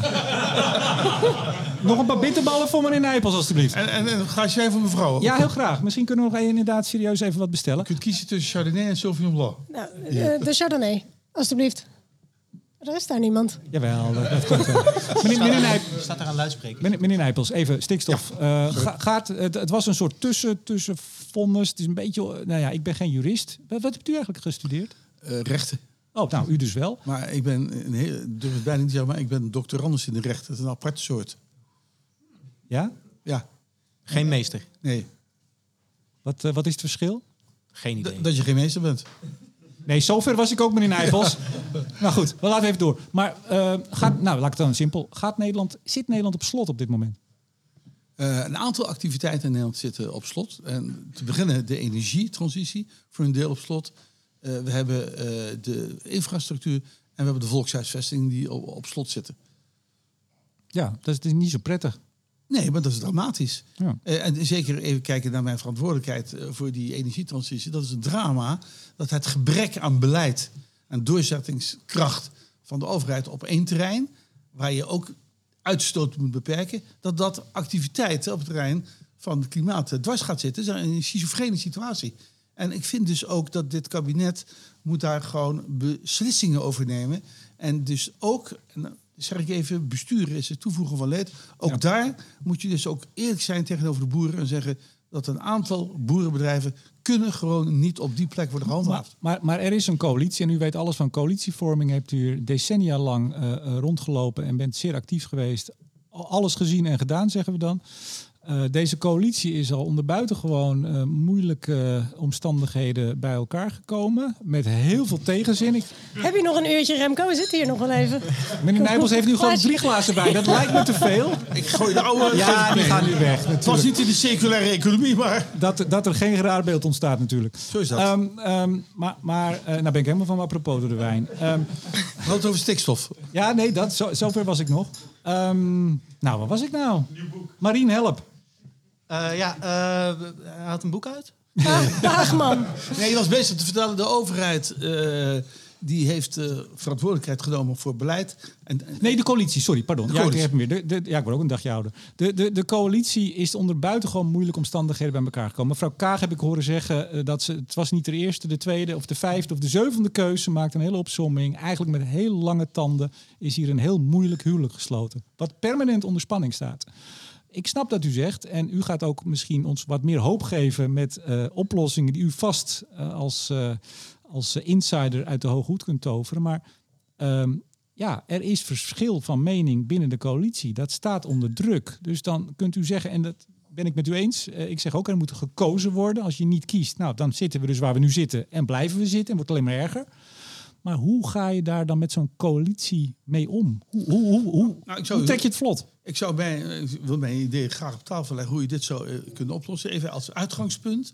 Dat is eh, dat de natuur moeten we herstellen. Dat is één. En twee, eh, de stikstofuitstoot moet omlaag. Dat is twee. Drie, de landbouw is in belangrijke mate verantwoordelijk voor die stikstofuitstoot. Wat ik zou willen doen, is zeggen op de eerste plaats als overheid... we gaan een aantal bedrijven in Nederland moeten weg. Dat zegt de minister van de Wal toch ook Ja, wel? ja, ja, maar, maar, Maar ja, moeten maar die bedrijven wel- weg of moeten er minder dieren het, komen? Het gaat even over de coalitie nu. Hè? Dus het, het gaat om niet uit. Wat ik zou doen, eh, als ik het kort samenvat, ik zou tegen de bedrijven zeggen: U krijgt, als u in 2023 bereid bent te vertrekken, dan krijgt u 100% waar u recht op heeft. En we zetten er nog 30% bovenop. U krijgt 130%. En u weet over vier jaar, vijf jaar, als u het niet doet, u mag blijven zitten, maar uiteindelijk wordt u over vijf jaar wordt u onteigend. Eh, dus het is einde oefening. En je bouwt die, die, die, die extra toelagen die je geeft, die bouw je per jaar af. En dan zult u zien, als je een boer moet kiezen tussen 100% plus 30 of het kan ook 40% zijn. Je geeft dus extra geld. Dan maak ik het voor de boer aantrekkelijk. Hij weet als ik nu ja zeg en dan krijg ik een pot met geld. Meer dan als ik afwacht of als ik straks word onteigend. Ja, En dan, dan lok je, dan geef je de boer Ja. ook een, een, perspectief. Is, is, dit, is dit gewoon een ideetje Nijpels of weet u dat dit in Den Haag zo al rondgaat? Nee, er zijn ook partijen en er zijn ook organisaties eh, die hier wel eens eerder ideeën over op tafel hebben gelegd. Er zijn allerlei eh, varianten eh, van, van dit idee.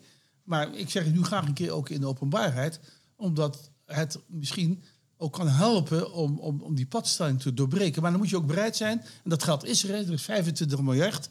Dus je kunt ook wat verhapstukken. Je kunt Nou ja, dat geld is er. We geven eh, de tientallen miljarden uit bij de fleet. Eh, het, is niet dat we het op de plank hebben liggen. hè. Nou, Dat is gereserveerd. Hè. Het coalitieakkoord is... eh, en naar de rand is er 25 miljard gereserveerd... voor de is- oplossing van de stikstofproblematiek. Maar wat je moet doen... en wat dus nu weer verkeerd terecht te lopen... is dat een aantal partijen zeggen... ja, maar onteigenen, eh, dat is niet aan de orde. De onteigeningswet, die stamt... heeft u enig idee van hoe oud die is? Eh, nee. Ik zal u vertellen, die stamt van 25 april nee, 1851. Toen hebben we. Was het geen 24 april? Nee, het was 25 april. Toen hebben we de onteigeningswet ingevoerd in ons land. Waarom? Omdat soms het algemeen belang gaat boven privaat belang. En dat betekent dat privaat belang dan goed gehonoreerd moet worden. Helder. Maar dan gaat het algemeen belang Ja. voor. En dat is ook hier het geval. Oftewel, je geeft eerst meer dan de waarde van, van, van, van de spullen, zeg ik maar even. Verleid ze. Verleid ze. En daarna wordt het gewoon steeds strakker. En uiteindelijk ben je het gewoon kwijt. En dan moet je weg. En dan krijg je tegen marktwaarde. U vat het fantastisch samen. Nou ja, ach. Ik doe ook wel eens wat goed. Hè? Nou, nou, u doet het over het algemeen heel goed. Want dat hoort u mij zeker niet zeggen als Ach, gast. jeetje. Ik heb het toch wel, als ik mag, zo vrij mag zijn, Ja, voorzitter. ik weet niet of iedereen het nog houdt. Want we zijn alweer over het uur volgens mij. Maar ik... eh, Ja, ik, ja? Zie nou, ik zie nou mensen een beetje van, had ik toch maar voor de pauze... eh, ja, we gaan, Maar- wel, we gaan wel afronden. Ja, nee, maar wa- wa- waar ik, wat ik echt niet begrijp, is dat er de hele tijd wordt gepraat over het uitkopen en het, en het wegnemen van bedrijven. Want een, de boer zelf, die stoot niet zoveel stikstof uit. Hè, dat zijn over het algemeen zijn dieren. En we hebben, zeg maar, vanaf de jaren 60 is er door de echte driehoek coöperaties, banken, overheid, is er gewoon gestuurd op schaalvergroting. En nu is het 2020, of 2022 inmiddels, toch wel, het zijn wel grote bedrijven geworden. Wel een probleem zeg. Ja, Albehoela, daar is op gestuurd. Waarom, waarom hebben we het steeds over het wegnemen van boerenbedrijven en niet over het verkleinen van het aantal dieren per vierkante meter? Ja. En, en Ja, ho, die, Nijpels. Ja, dat zit er natuurlijk aan vast. Als je stikstof, als je bedrijven gaat uitkopen, betekent dat per saldo ook, als je ook erbij bede- eh, eist dat een boer die vertrekt, die een uitkooppremie krijgt, dat hij geen nieuw bedrijf mag beginnen. Nee, maar dat, dat zegt, gaat dat dat zegt, hij- niet. dat zegt hij Gaat niet. Mijn vraag is, wat is, hè, je hebt zeg maar, nee, maar dat is wel de eis die je moet stellen aan zo'n uitkoopregeling, want anders helpt het niks. En maar ik ben een station eerder. Ik ben nog voor de uitkoopregeling. Dus hè, eh, toen ik een jaar of 16 was, was je een hele boer als je 100 koeien molk. Nou, tegenwoordig ben je dan klein. Eh, eh, wat mankeert er aan twee bedrijven van... Stel, je hebt twee bedrijven van 100 koeien en die zijn een in een probleemgebied. Maak daar twee van 50 van. Even heel, heel kort in de bocht. Hè. Dit zijn totaal uit mijn duim gezogen getallen. Maar als je die boeren perspectief biedt... van je kunt ook op een... En er zijn plekken waar het echt niet kan. Hè. Er zijn, ik bedoel, Maar gaat daar de uitstoot mee naar beneden dan? nou ja, als je het aantal dieren halveert, dan in Ja. principe... En je, Nee, je zegt worden er 2 van 50, toch? Zei je? Ja, In twee plaats van van 2 van 100 wordt het- 100. Oh, pardon, Een pardon. soort Maar het zijn bedrijven- stikstoftransitie, een bedrijf- energietransitie, maar, maar dan bedrijf- Misschien een soort melkquotum invoeren. maar of zo. bedrijven, ja, ja, ja, Een, ETS, een ETS voor koeien. ja, bedrijven mogen het natuurlijk ook zelf uitmaken als ze samen gaan. Er zijn ook nu heel veel boeren Nee, maar dat- dat is die punt. te, oud is- zijn en die gewoon de het punt rechten is- opkopen van hun collega's. Het punt is dat het de hele tijd gaat over het uitkopen van boeren. En dan snap ik, dat, dan snap ik heel goed dat er op een gegeven moment iemand in Groningen het provinciehuis binnenrijdt. Omdat hij zegt, ik voel me niet meer... En dan zijn we heel even terug bij waar Vol- je zei... volgens mij is het ik binnenrijden van een gewend. provinciehuis nooit een goed idee. eh, Nee, het is nooit een goed idee, Nee. maar nee, Maar fair ik, enough. ik maar, denk dat je met de gemiddelde boer kun je beter praten over het uitkopen van zijn hele bedrijf tegen vette prijs. Dan te zeggen, schaf jij eh, van je 100 ik koeien of dat, 200, ik denk dat jij het vies 100 tegenvalt. vanaf. Ja, ja. Ik denk dat dat vies tegenvalt. Ja? Maar, maar, Maar goed, als het uiteindelijk leidt waar het om gaat, is die, CO die uitstoot van stikstof, die moet omlaag. Linksom of rechtsom. En, en, da- en dan, je moet in ieder geval niet beginnen met alle middelen die je hebt in die strijd. Om die al bij voorbaat uit te sluiten. Want dan heb je geen eh, verhaal. En dat is eigenlijk de kern van mijn eh, betoog. ja. Fair enough. Nou, het is, het is een helder betoog. Ik, ik geef u nog eh, even, want ik heb begrepen, maar ik weet niet helemaal zeker. Het is goed dat ik het even bij u nu kan checken. Dat er iets van een, iets van een boek is verschenen, klopt dat? Ja, eh, ik, ik heb het ook horen fluisteren. Ja? En Wat, wat, wat kost die? Want het is toch, ja, dat, de mensen, het geld is krap tegenwoordig. Het is crisis. Ik, ik schat in eh, 23,90 euro. En, en bij afname van 100 stuks, zoals bijvoorbeeld BP heeft beloofd, komt de prijs omlaag. Kan de prijs omlaag. Nou, met, die eh, optimistische eh, noot zou ik zeggen... eh, bedank ik mijn gasten, dames en heren. Onafhankelijk energieneurt Marien Boonman, de CEO van BP Nederland... Karen de Lathouder en de voorzitter van de klimaattafel Bonaire, Ed Nijpels.